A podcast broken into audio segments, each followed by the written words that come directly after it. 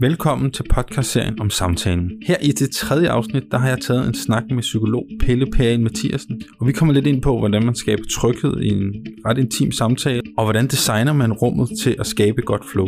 Hele den her serie har vi produceret i samarbejde med Good Talks, og i det sidste afsnit, der tager jeg en refleksionssnak med Pernille Sandberg. Så rigtig god fornøjelse med den her samtale. Jamen, øh, velkommen til. Jo, tak. Og øh, tak for, for, for tiden. Øhm, jeg har jo inviteret dig ind, fordi du, øh, du er psykolog. Ja. Og øh, jeg er sindssygt nysgerrig på, hvordan forskellige professioner bruger samtalen, og jeg er sindssygt utilfreds med, hvordan øh, rekruttering generelt approacher samtalen. Øhm, og har selv som ansættende chef oplevet, at man ikke overhovedet træner i, hvordan man holder en god jobsamtale. Mm-hmm. Så, så tanken er jo, at, øh, at du er inden for et, øh, et område, hvor man har en teoretisk viden omkring øh, samtaler og, og hvordan man tilgår andre mennesker. Så, så det er det, vi skal snakke om. Ja. Og øh, hvis vi starter med sådan, øh, jeg tænker, hvis vi forestiller sig, nu ved jeg ikke, om du bruger kunder eller patienter, eller hvilke ord man egentlig bruger. Ja, jeg bruger klienter. Klienter, super. Ja, patienter, det skal de helst være inde i psykiatrien. Ja, jeg tænkte også, det ville være forkert. Kunder lyder også, øh, så det var to dårlige. øh, men, men første gang, du møder en klient, ja. øh, måske prøve at, at tage os lidt med igennem, hvad, hvad er det for et fokus, du så har, når du møder dem første gang, og hvordan skaber du tillid?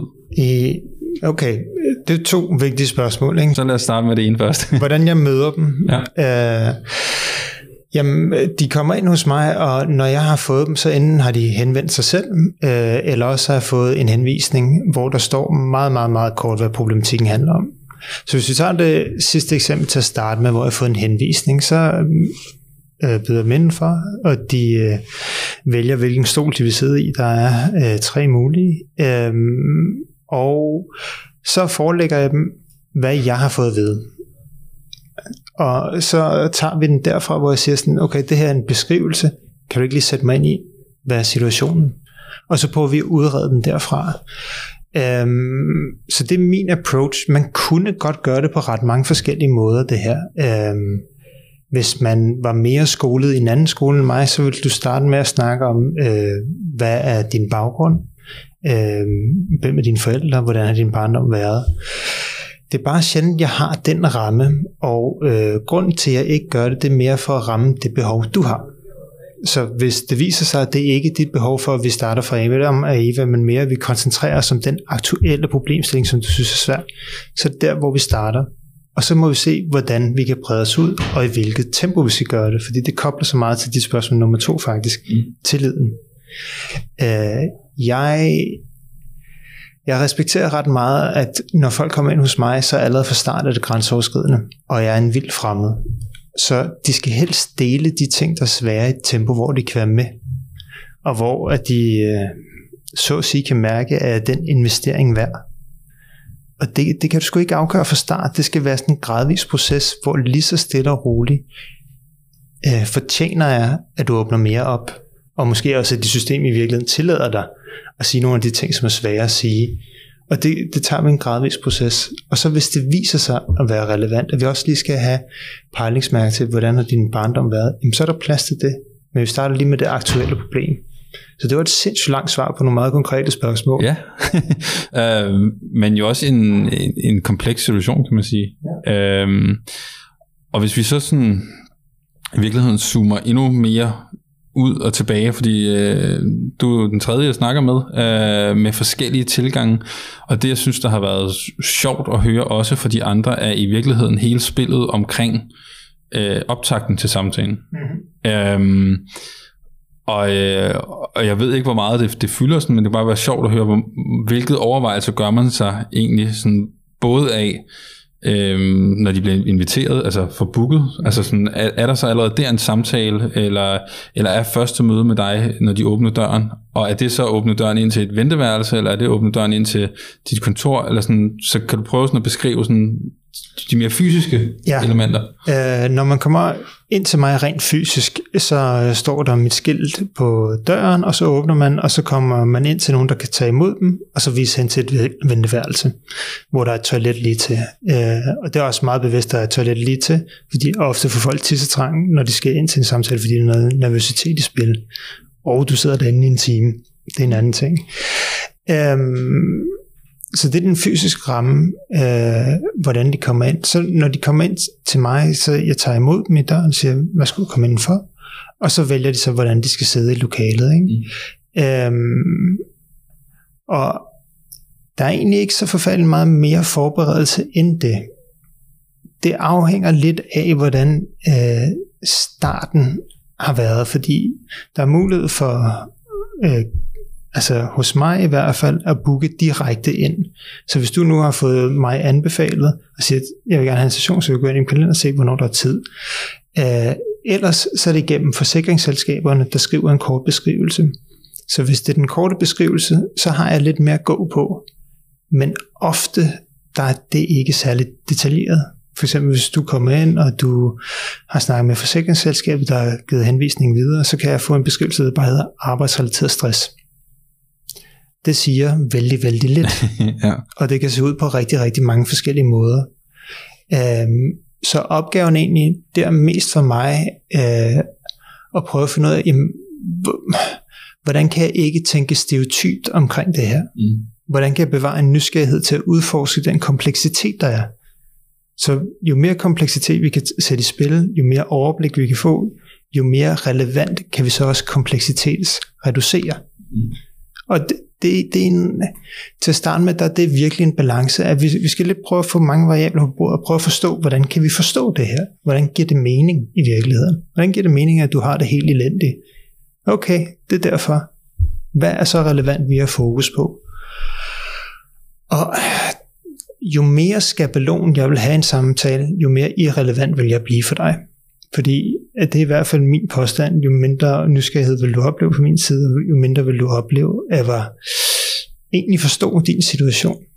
Og altså, det tror jeg sgu er nogle af de vigtigste pejlemærker overhovedet at have i samtalen, at du bliver nødt til at give klienten en fornemmelse af, at du forstår vedkommende, og det her er en unik situation. Fordi hvis du kommer til at generalisere for hårdt i de her sammenhæng, så bliver du irrelevant som psykolog så fortjener jeg lige pludselig ikke din investering. Mm. Og det er jo, øh, man kan sige, hvis jeg skal relatere til, til rekruttering, så, øh, så tror jeg også sindssygt meget på nysgerrigheden. Ja. Øhm, hvordan fastholder man nysgerrigheden i et, øh, jeg går ud fra, at du snakker med relativt mange mennesker, øh, så det er jo også, på en eller anden måde kan det jo ikke undgå at blive repetitivt, selvom at det jo er et unikt menneske, man sidder over hver dag. Så, så, så hvordan, ja, hvordan fastholder man nysgerrigheden sådan helt lavpraktisk? Så det er et skide godt spørgsmål, ikke? fordi øh, åh, nu kan jeg komme i gang med en lang teoretisk forklaring, fordi du rammer lige hovedet på sømmet. Øh, nysgerrighed for mig er et biprodukt af noget andet. Så øh, det er en kringlet måde at sige det på, men pointen er, hvis jeg kan blive ved med at mentalisere dig, og jeg skal nok forklare, hvad det ord betyder lige om lidt, hvis jeg bliver ved med at mentalisere dig, bliver jeg ved med at have en nysgerrighed. Hvis jeg kommer til at tænke for stereotypt, så er det ofte et udgangspunkt i, at jeg har mistet min mentaliseringsevne. Så mentalisering, det, det er et fint ord for øh, indlevelse i den anden, samtidig med indlevelse i mig selv. Så hvis jeg for eksempel øh, mister lidt fatningen i en samtale, eller jeg har været for presset, øh, så det, der vil kunne ske, det er, at lige pludselig, så kan jeg ikke se det tydeligt for mig. At det svarer lidt til at gøre sådan her, og putte en hånd foran øh, øjnene på mig selv, så jeg ikke kan se dig. Så jeg begynder at tale til dig, som om du er et symptom. Du er en af dem med stress, eller du er en af borderlinerne, eller hvad man nu kunne finde på at sige. Ikke? Øhm, så det er et eksempel på, at der mister jeg min nysgerrighed. Så hver gang jeg lægger mærke til at gøre det, fordi det kommer til at ske for os alle sammen, så er det her en alarmklokke for mig. Hey, nu skal vi lige trække tilbage. Hvad fanden er det, der sker inde i dig? Hvad er det, der har gjort, at du har mistet din nysgerrighed her? Er du oprevet? Er du irriteret? Øh, har, har du mistet lidt styring på samtalen? Har du mistet, hvordan din øh, opmærksomhed egentlig skal styre indholdet af det, vi er i gang med? Har klienten muligvis også gjort det? Har hun måske også haft mentaliseringssvigt? Mm. Øhm, det kunne være, lad os lige prøve at tjekke ind begge to, sådan, hey, hvad fanden er der sket der? Så det er meget processen i det hele tiden. Så nysgerrighed skal være drivkraften, den skal være begrundet, Altså, det er ikke særlig behageligt at blive spurgt om en masse ting, hvor man kan mærke, at psykologen er overhovedet ikke nysgerrig på det her, men det er ren rutine. Ikke? Mm. Så det skal også være nærværet i det. Så det, det, den, det er den måde at navigere i det på. Og, og hvis så, man kan sige, lad os sige, du så mærker, okay, øh, der, der, mist, der mister nærværet og nysgerrigheden ja. i en samtale, hvad, hvad kan så være nogle værktøjer for, ligesom, altså, at du siger sådan presset, øh, irritabel, eller altså, så er det sådan, zoom ud og ligesom tænke, øh, hvordan ser min hverdag ud for tiden, eller hvad, hvad er det for nogle værktøjer? Jeg vil sige, hvis du forsvinder så langt ud, så er du virkelig forsvundet fra samtalen, ikke? men jeg forstår godt din pointe. Øh, Altså, jeg tror faktisk, man skal gå nogle skridt tilbage der. Øhm, værktøjet for mig, det vil være videosupervision. Mm. Så du bliver nødt til at have set dig selv mange gange øh, på video, og blive lidt mere sådan, i stand til at se dig selv objektivt udefra. Selvfølgelig med hjælp med en supervisor eller en anden fagprofessionel, hvad det nogle gange kan være. Så lidt for øje på dine blinde pletter, og hvornår det sker, og når det sker, hvad der sker. Øhm, og derved så også lige så stille udvikle værktøjer til, jamen hvordan skal jeg håndtere det her? For mig, der virker det helt klart bedst at sige det højt. Mm. Altså sådan, gud, hvor der forsvandt lige lidt. Kan vi ikke lige vende tilbage? Men, og, og det, det er jo, det tænker jeg, det kommer også af, at, at du har helt vildt meget erfaring med det.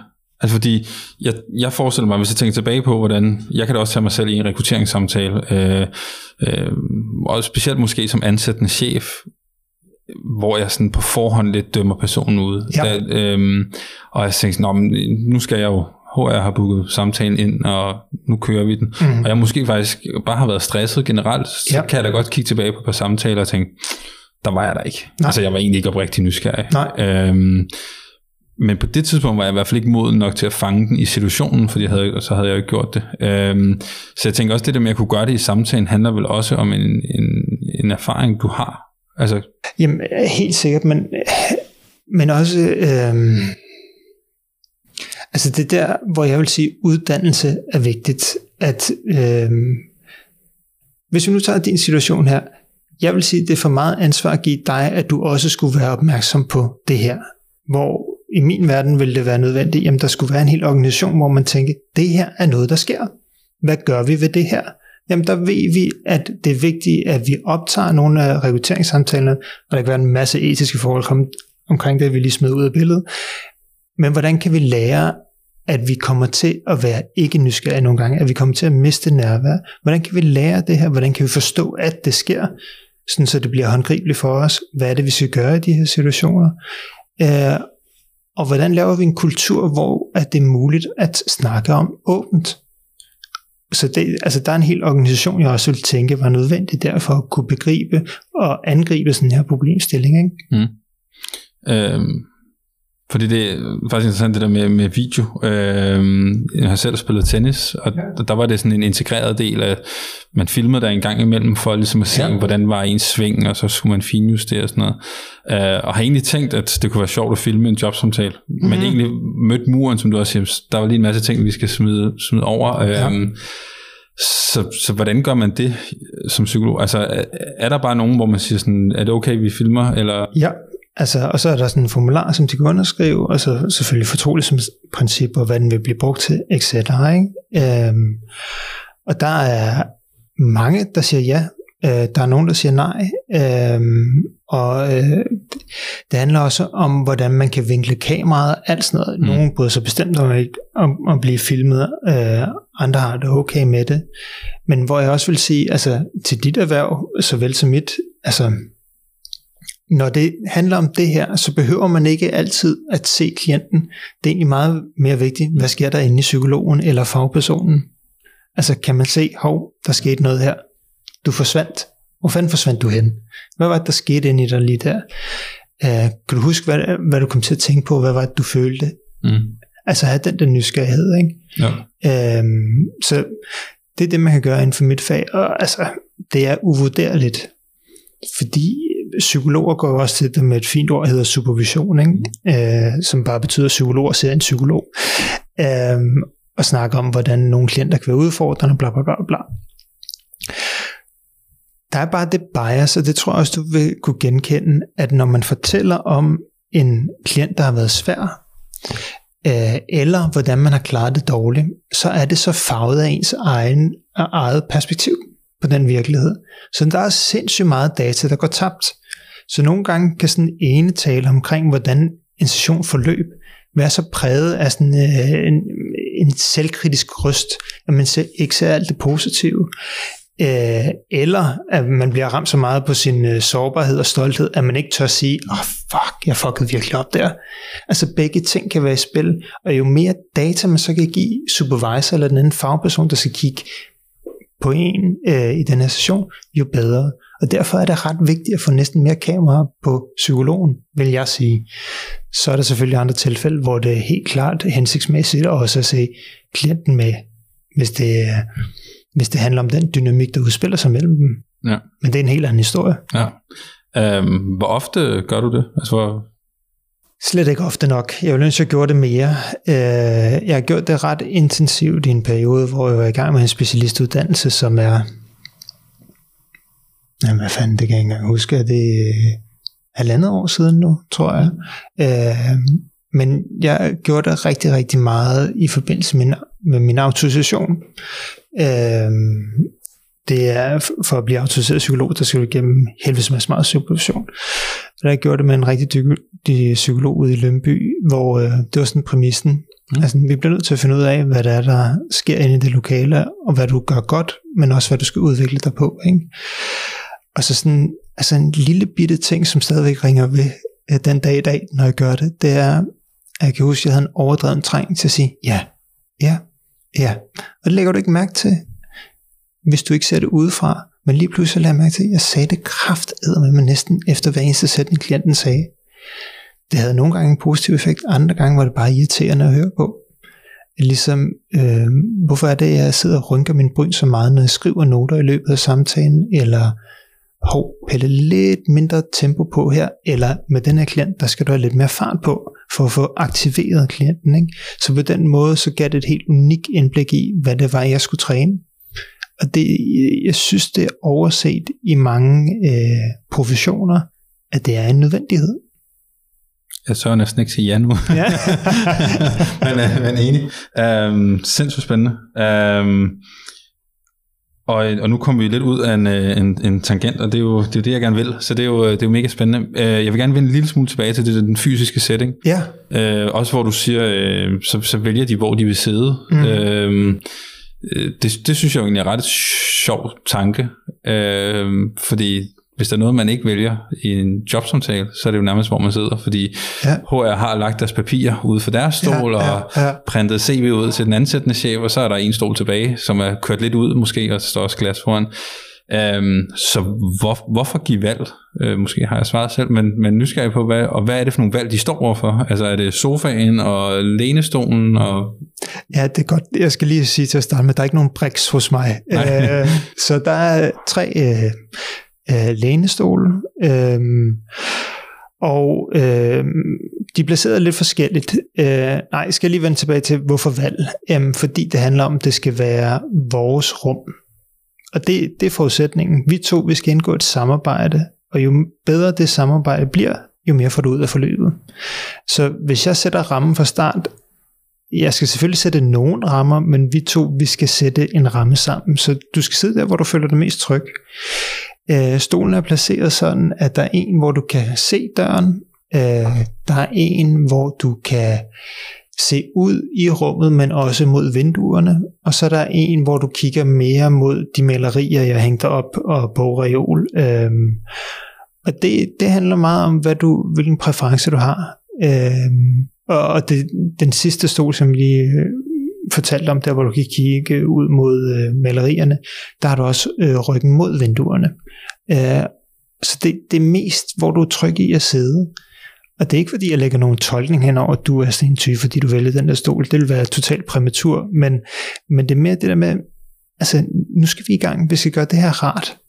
Fordi det er pisse grænseoverskridende. Så okay, du har lyst til at sidde der, det noterer jeg mig. Og så bliver det din stol resten af tiden. Du må selvfølgelig gerne skifte, hvis du ikke kan lide den, ikke? men det er så en anden side af sagen.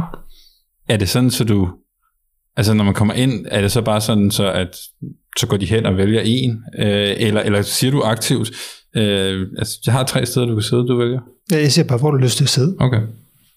Altså, ikke ja. så meget vildere end det.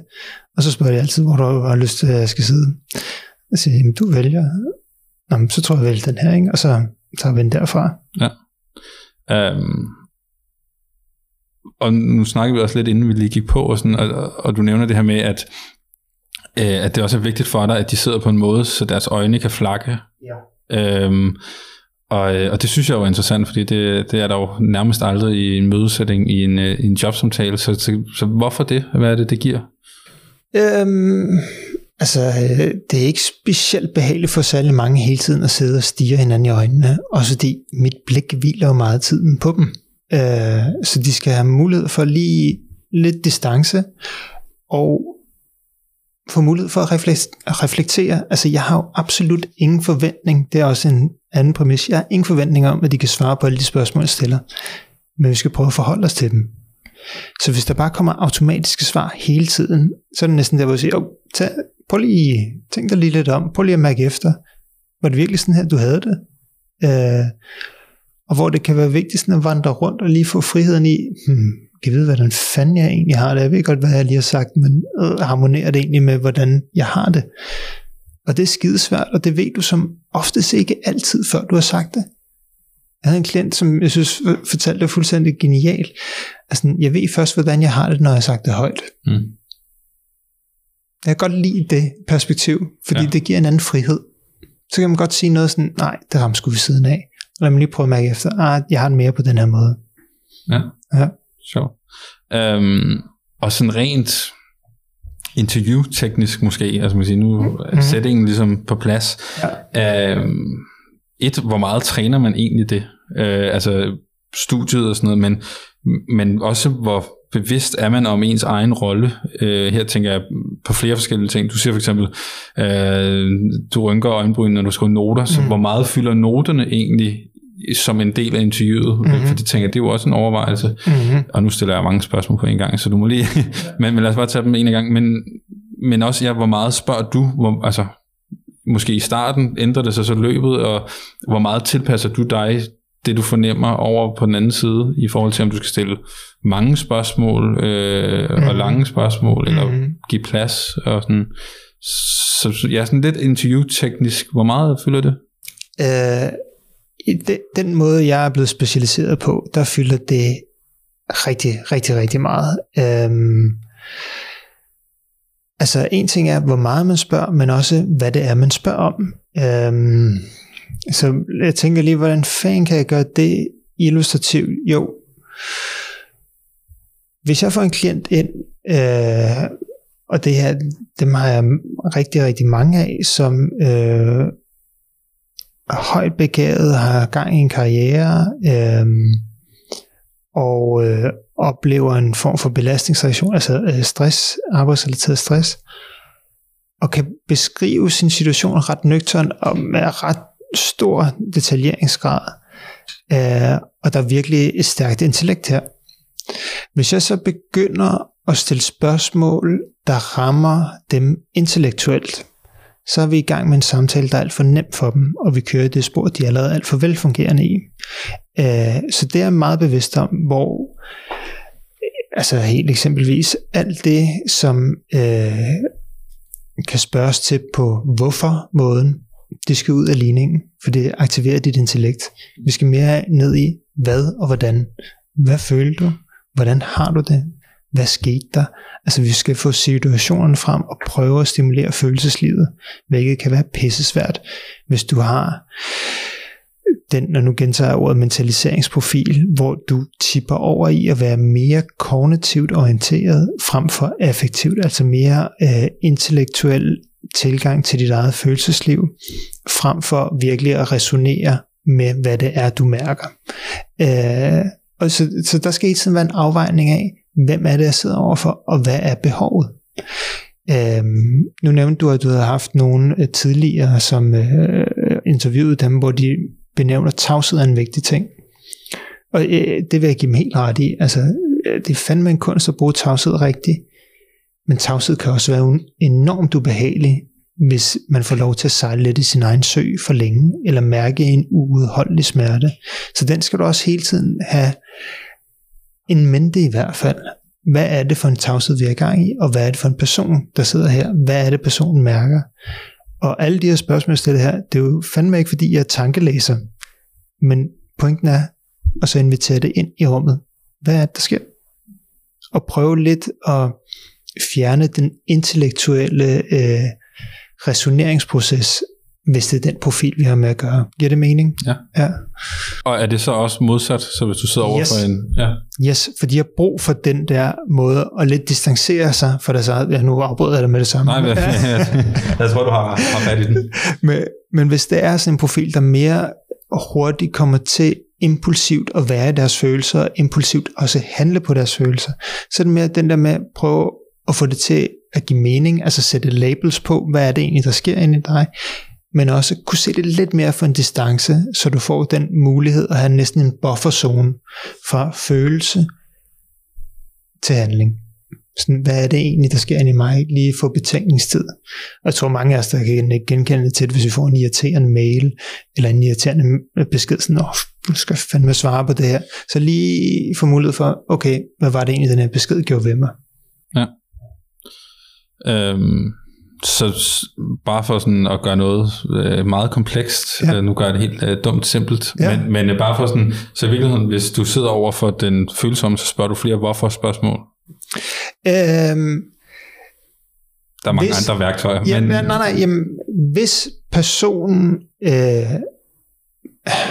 ved, hvad det er, personen mærker, så kunne det give mening at have en spørgsmål, der er mere rettet mod hvorfor dimensionen, hvis vi nu kalder det det. Men det kan vi ikke antage altid. Altså først skal vi lige hjælpe dig til at være sikker på, kan du mærke det, du kan mærke? Jeg ved godt, det er en underlig formulering, men altså øh, helt prototypisk, så er det jo ikke altid, at huliganen ved, hvad det er, han har mærket, før han pandede en ned. Så hvis han lige fik mulighed for at føle mig igen karikeret, såret over, at en eller anden sagde, jeg var homo, eller hvad fanden det nogle gange kan være, så næste gang kan du lige give den bufferzone, okay, det er det her mærket, hvad, hvad er det så, jeg skal gøre? Hvad er hensigtsmæssigt? Hvad, hvordan kan jeg lave en, en egentlig vurdering af, hvor, hvor selvskadende det vil være, hvis jeg ryger ind og sidder igen? Agtigt, ikke? Så for sådan en person, der er det stadigvæk vigtigt at få konkretiseret følelsen, men så også få muligheden for, okay, det intellektuelle, intellektuelle lag ovenpå, ikke? Ja. Spændende.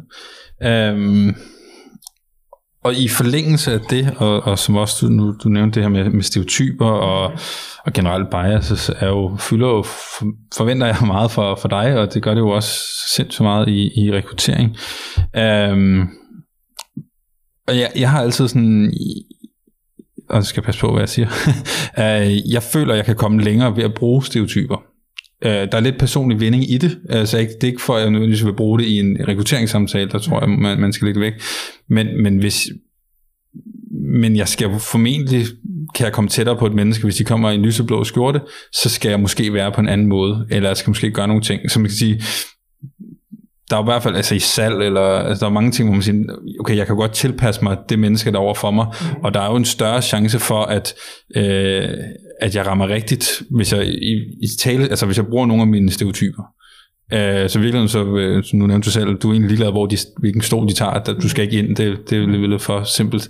Øhm, men, men kan man egentlig ikke godt, altså kan du ikke komme hurtigere og tættere på et andet menneske ved at bruge nogle af de erfaringer, og, men også lidt forhåbentlig nuancerede stereotyper? Øh, jamen jeg, er- jeg er lidt allergisk for ordet stereotyper, fordi i min verden, der er det verdens største mentaliseringssvigt. Mm. Altså det er der, hvor jeg ser dig som en del af en gruppe, og kan ikke helt kende forskel på dig og alle de andre. Fordi I er sådan her. Mm. Øh, men den der kategorisering og erfaringsbaseret intuition, hvis det er det, vi snakker om, jo, den er der fandme værdi i. Øh, den er skide svær at konkretisere, ikke? Og Ja, hvad, hvad er forskellen, hvis jeg skal udfordre det? Ja, altså jeg vil sige, den erfaringsbaserede intuition, der får du en eller anden fornemmelse af, der er noget i spil her. Øh, Det kan være, at personen har den blå skjorte på, det, og det vækker genklang i forhold til, hvordan du har mødt andre. Men du er stadigvæk opmærksom på, det er ikke hele personen, den blå skjorte. Øh, og så lige pludselig en erfaringsbaseret intuition, så kan det være, at du har haft nogle lignende sager, mm, men det her, det virker også som noget andet. Og bare for mit felt, så kan det være, øh, umiddelbart virker personen, igen karikeret her, i en lyseblå skjorte, som en, som er ramt af stress. Men der er noget ved den her situation, der virker forskelligt fra alle de andre. Og der bruger min erfaring til, okay, sådan her forløb, der, der er nogle faktorer, nogle symptomer i spil, og en væremåde. Så allerede der, der kan du sige, der laver jeg en kategorisering. Øhm, men lige ved den her sag, der er et eller andet andet i spil. Så hvis jeg kan blive ved med at bevare min nysgerrighed i mine kategoriseringer, så vil jeg sige, så er den erfaringsbaseret, og så er den relevant at lytte efter. Men hvis det bliver for grovkornet og unuanceret og rigidt, så vil jeg sige, så er vi ude i stereotyperne. Giver det mening? Ja, øhm, og det gør det selvfølgelig svært, fordi man kan sige, ja, det, det er jo det, der, der også ligger i biases, men, men hvis jeg selv skal sige, når okay, mine nuancer for 10 år siden, altså der følte jeg også, at jeg kunne læse, eller læse, men det føler jeg, jeg kan, men altså, der, der havde man også en eller anden social intelligens, hvor man tænkte, okay, jeg kan nok godt forudse mm-hmm. lidt, hvem du er. Ikke nødvendigvis, jeg kan skrive alt, hvad du laver hele dit liv, men, øh, men jeg forstår dig på nogle punkter. Ja. Øhm, hvis jeg så det samme menneske i dag, så vil jeg tro på, at der var nogle flere nuancer, fordi jeg tror også, at jeg har set nogle flere variationer, men det var jeg jo ikke bevidst om dengang. Nej. Øh, hvilket jeg også synes er et kæmpe problem for, når jeg tænker på mig selv som, som interviewer og, og, og da jeg havde lavet fem jobinterviews, synes jeg, at jeg var relativt okay god. Ja. Altså, det synes jeg. Uh, det, det synes jeg stadigvæk. Uh, men jeg er jo ved våge påstå, at jeg er markant bedre i dag, end jeg var da jeg startede. Ja, og bare lige for at øh, bringe ind i den situation, der vil jeg jo tænke, der ville det have været pisse relevant, hvis du havde haft en senior, som du øh, havde et mentorforhold til, som sagde, godt, ved du, jeg går lige med ind i nogle af de her situationer, eller lad os optage det her og kigge på det sammen, fordi det her, det er du skide god til. Men det her, der er der brug for udvikling, og hov, kommer du til at kategorisere lidt for tidligt? Altså på den måde taget ja. hånden i den her refleksionsproces. Og det, altså, hvis der er mulighed for det i din branche, så vil jeg helt klart tænke, det er en skidegod investering. Ja, det, det håber jeg da. Der er. Jeg vil i hvert fald gerne øh, være med til at gøre, gøre noget ved det. Øhm, hvordan egentlig sådan, også teoretisk arbejder man med biases og undgå biases i, i psykologien? Øhm. Altså, øh, det, og det er fandme et stort spørgsmål. Ja. Altså, ja. Og det, det, desværre så kommer jeg tilbage til et meget, meget simpelt svar, at det er supervision. Ja. Og så, øh, altså, så bliver du nødt til også som psykolog at erkende, at du er fejlbarlig, ikke? Altså, at du kommer til det. Øh, hvad vil du så gøre ved det, når det sker? Og også prøve at tænke i, okay, hvad triggede det? Hvordan kan det være, at du kommer til at tænke så stereotyp i den her sammenhæng? Øh, og hvis du er rigtig modig, og forholdet til din klient øh, kan magte, og det vil jeg våge på, så du ofte kan, så sige det i sessionen efter, hvis du har gjort dig, er blevet opmærksom på det, sådan, når der sidste gang, der synes jeg skulle uh, øh, låse samtalen fast. Jeg synes, vi kom til at snakke ud fra mine øh, biases i virkeligheden. Jeg glemte skulle være nysgerrig på, hvad det var, du egentlig sagde.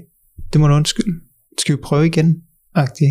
Øh, og så fordi det, det er noget af en tillidserklæring, ikke? men det er også øh, altså, adresserer elefanten i rummet. Mm. Så man har brug for supervision til det her. Øh, og det er for meget ansvar at kunne have på sig selv. Du har brug for en partner in crime her. Ja, spændende. Øhm, og du, øh, for at hoppe lidt videre på, øh, på biases, eller ikke på bias, men hoppe videre for det. Øh, en del af det, du laver, øh, på en hjemmeside skriver du også, at du øh, coacher i, i jobsamtaler. Ja. Øh, og det er jeg lidt nysgerrig på. Øh, det er jo en lidt anden side, end den jeg øh, i hvert fald snakker med flest om. Man bliver selvfølgelig også tit spurgt fra, fra kandidater, der søger sådan, hvad skal jeg gøre, og hvordan sælger jeg mig selv bedst, og alt muligt. Og jeg har jo tit lyst til at sige, at du bare skal være dig selv, og hvis jobbet ikke matcher dig, så skal du sige nej. Ja. Øhm, men det er jo bare for en kæmpe styrkeposition, øh, og så er det meget nemt at sige. Men øh, hvordan rådgiver man, coacher man i jobsamtaler, når øh, en så stor ubekendt som, som det menneske, man sidder overfor, som jo desværre har nogle biases, sikkert. Ja, øh, med biases her, det tænker du hvad?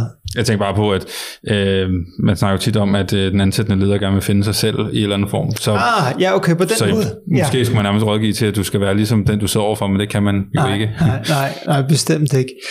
Øh, Grund til, at jeg har skrevet det på hjemmesiden, det er fordi, jeg har haft nogle klienter, der har efterspurgt det fra min side, og hvor vi så har gjort det. Øhm, og øh, formatet har lidt været det, at jeg har kendt dem.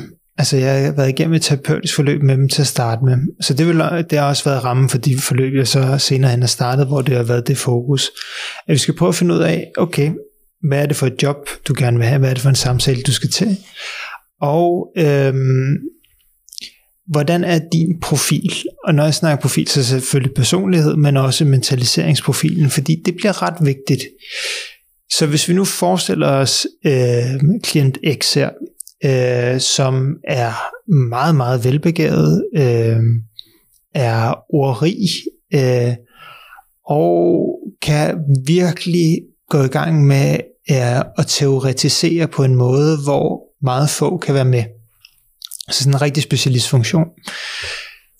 Der er det for eksempel en vigtig ting at hjælpe vedkommende med at sige, okay, du skal huske at tale til en virkelighed, hvor andre kan være med. Øh, vi skal hjælpe dig til ikke at blive for diffus. Vi skal helst have nogle konkrete eksempler, hvor det, gør, hvor det bliver tydeligt, hvad det er, du kan præstere, og hvad er det, de får. Det skal også blive tydeligt, øh, hvad det er for en form for ledelse, som du behøver, og at du igen kan beskrive det på en måde, hvor du har dig selv med i det.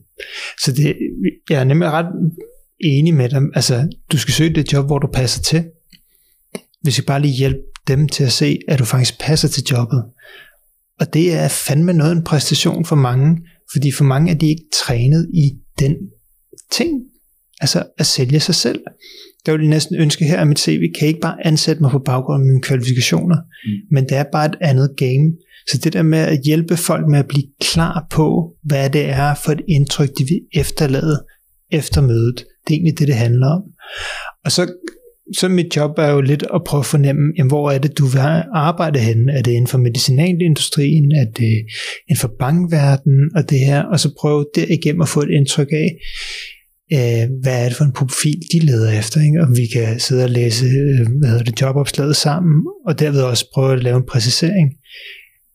Og så ellers så prøver vi at simulere at den situation, de vil være i, hvor jeg prøver virkelig at stille de sværeste psykologiske spørgsmål, så vi altså fremprovokerer den situation, at klappen går ned. At du virkelig ikke helt ved, hvad fanden du skal svare, men så prøver vi sammen at finde ud af, okay, i de her situationer, hvad skal du så til til? Hvad, hvad kunne være måder at håndtere det på? Øh, kunne det være for eksempel hjælpsomt for dig at sige, ved du, det er et godt spørgsmål, giv mig lige lidt tid at tænke over det, og så genvinde en eller anden form for, åh, oh, nu skal jeg lige falde til ro igen. Så på den måde hjælpe folk med at magte en situation, som de bliver nødt til at være i, men virkelig ikke kan fordrage. Så det, det er lidt det, vi gør. Ja. Det var mange år. Ja, ja. øhm, ja. men, men det, det er jo ja, sindssygt spændende. Øhm, og, og svært at have en, en form på. Øhm, her øh, afslutningsvis vil jeg rigtig gerne vende et øh, kæmpe emne som øh, manipulation. Ja.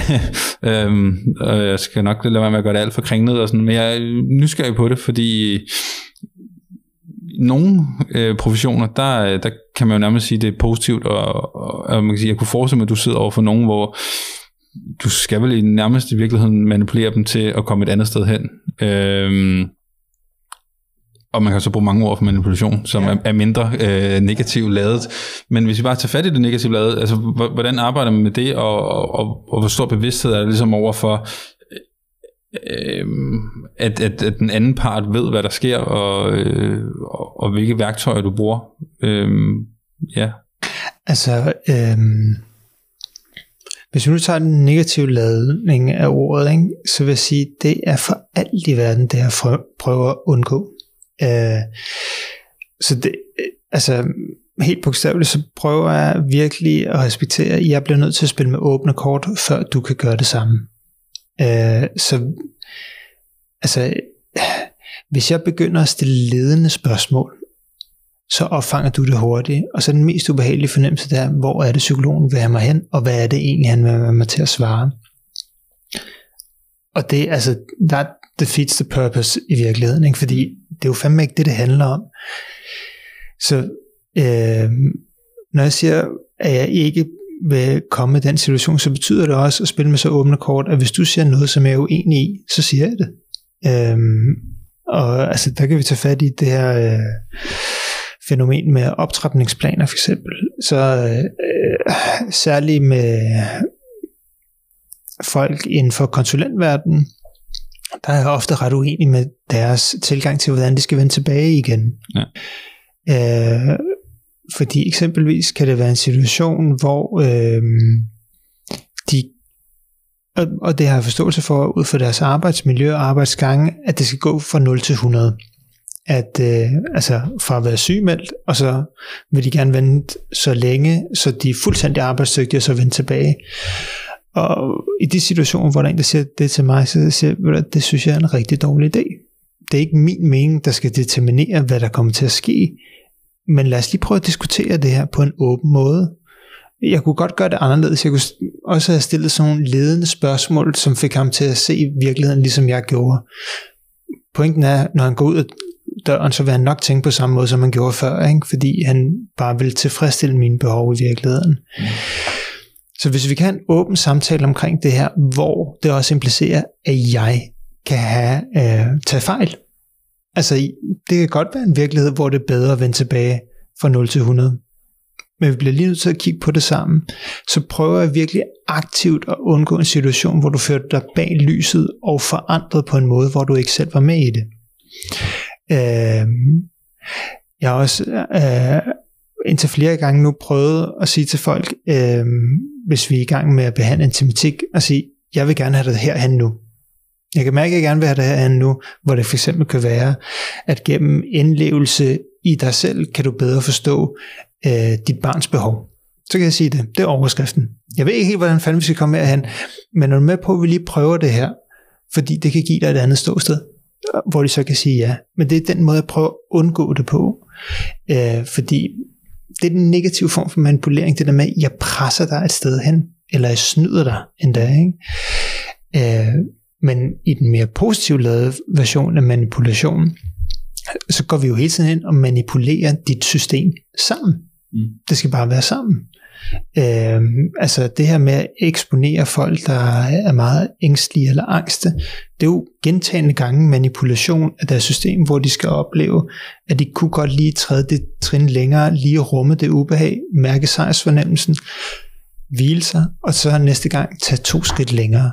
Altså der er vi ude og lave positiv manipulering, men det der med at føre dig bag lyset, det er for alt i verden det, vi skal undgå som psykologer, fordi det vil skabe så meget mistillid, og altså manglende nærvær, og så har vi smidt det hele på gulvet.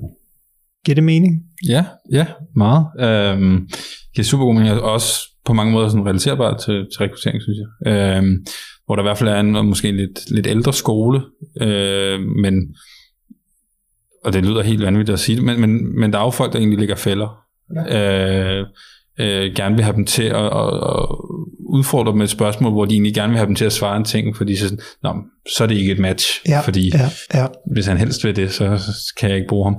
Uh, så jeg hører faktisk rigtig, rigtig tit uh, virksomheder bruge en form for fælde og, og være nærmest stolt af det. Og sige, mm. ja, jeg skal lige vide, at jeg, spiller, jeg stiller jo det her spørgsmål, og hvis de svarer forkert, så ved jeg allerede der, at, ja. øh, og det kan være sådan noget som at fake en stilling og sige, jeg har faktisk også en anden stilling, vil du ikke hellere have den? Mm-hmm. Og hvis de siger ja til det, så er de jo ikke match, fordi...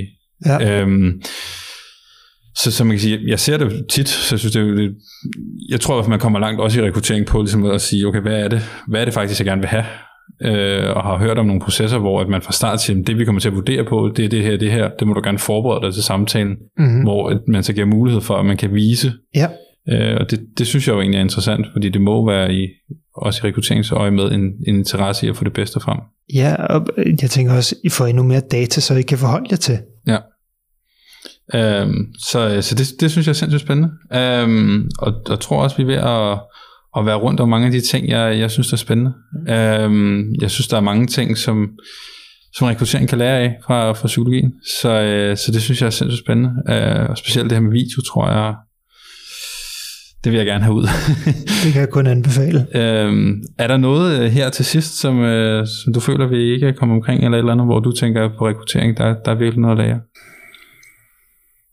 Øhm, det er fandme et godt spørgsmål. Jeg vil lige tænke mig lidt om. Øhm, altså, jeg tror, det er vigtigt, at man tænker over, hvilken udgave af personen det er, man får lov til at se i rekrutteringssammenhæng. Mm. Øhm, og hvor jeg vil tænke, jo mere tryg man kan gøre personen, jo mere får du lov til at se personens grundniveau. Hvis du ser personen i den mest pressede udgave, jamen, så får du også det indblik i personen. Men jeg tror ikke, man skal tænke, det er et mere sandt billede. Mm. Fedt. Lad os, øh, lad os slutte på den ja. øh, med jagten på et, øh, en tryg samtale. Tak for, tak for tiden. Er du velkommen. Tusind tak til Pelle for en super inspirerende samtale. Jeg synes, der er mange gode ting at hente fra psykologien ind i rekrutteringsverdenen. Og også et stort tak til Good Talks for at være medproducent på den her podcastserie. Og så til næste afsnit, hvor vi skal dykke ned i journalistikken, hvor øh, jeg interviewer Henrik Norskilde, som er portrætjournalist. Så det glæder jeg mig meget til.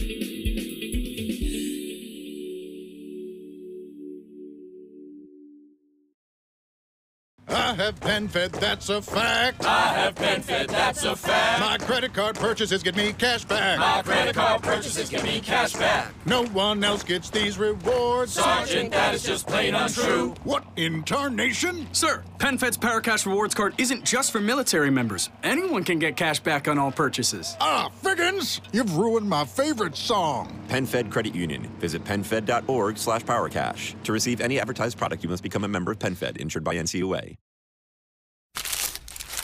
For all you foodies out there, I'm unwrapping a McDonald's steak, egg, and cheese bagel. Ooh, look at this steak. And the juice running down the side. Got a little bit on the wrapper here. Mmm. And then the fluffy egg and real cheese folded over the side looking just so good. Mmm, mmm. Grilled onions and a butter bagel too. Thumbs up for McDonald's steak, egg, and cheese bagel for breakfast. Love it. Mmm. Ba ba ba ba. I participate in McDonald's.